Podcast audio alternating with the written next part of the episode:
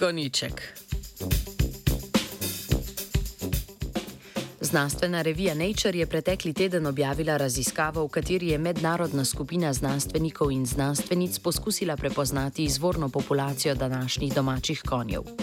To žival, ki je močno vplivala na razvoj človeštva, saj je prinesla pomemben napredek za transport, komunikacijo in vojskovanje, naj bi pred približno 4200 leti udomačila ljudstva, ki so poseljevala območje med rekama Volgo in Donom na ozemlju današnje Rusije.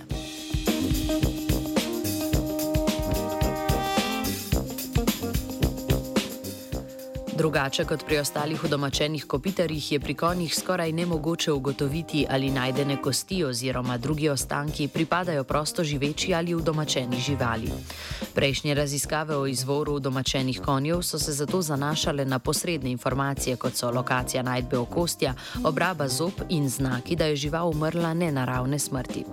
V predstavljeni študiji pa so raziskovalci dosedanje ugotovitve o udomačitvi konj nadgradili z metodami in spoznanji sodobne genetike. genética.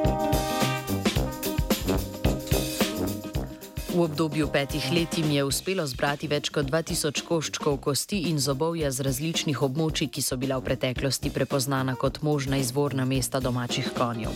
Med njimi so Iberski polotok, Anatolija ter stepe Zahodne Eurazije in Centralne Azije. Raziskovalni skupini je iz zbranih arheoloških ostankov uspelo pridobiti 270 celotnih genomov ter prazgodovinskih konjev.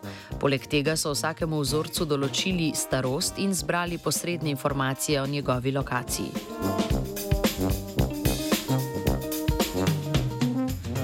Na podlagi genetskih podatkov in podatkov o starosti vzorcev so ugotovili, da se je pred dobrimi 4000 leti na območju Eurazije nahajalo več genetsko različnih in izoliranih populacij konjev. Primerjava genoma domačih konjev z genomi različnih populacij pa je razkrila, da je profil DNK domačih konjev najbolj podoben konjem, ki so poseljevali stepe Zahodne Eurazije, natančneje območje med rekoma Volgo in Donom. Podatki predstavljeni v raziskavi nakazujejo, da se je med 2200 in 2000 leti pred našim štetjem genotip konjev, ki je predtem zaznan predvsem na območju med Volgo in Donom, začel hitro širiti po vsej Euraziji. Tako je okrog leta 1000 pred našim štetjem prevladoval na celotnem območju, ki ga zajema predstavljena študija.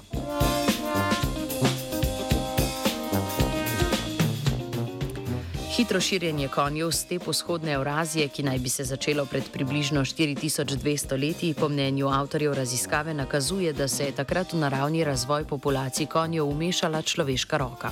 Ta je omogočila, da je prej geografsko omejena populacija teh živali v slabih 2000 letih zavladala celini in se v tisočletjih zatem razširila po vsem planetu. Izvor konjev je iskal Gregor. three,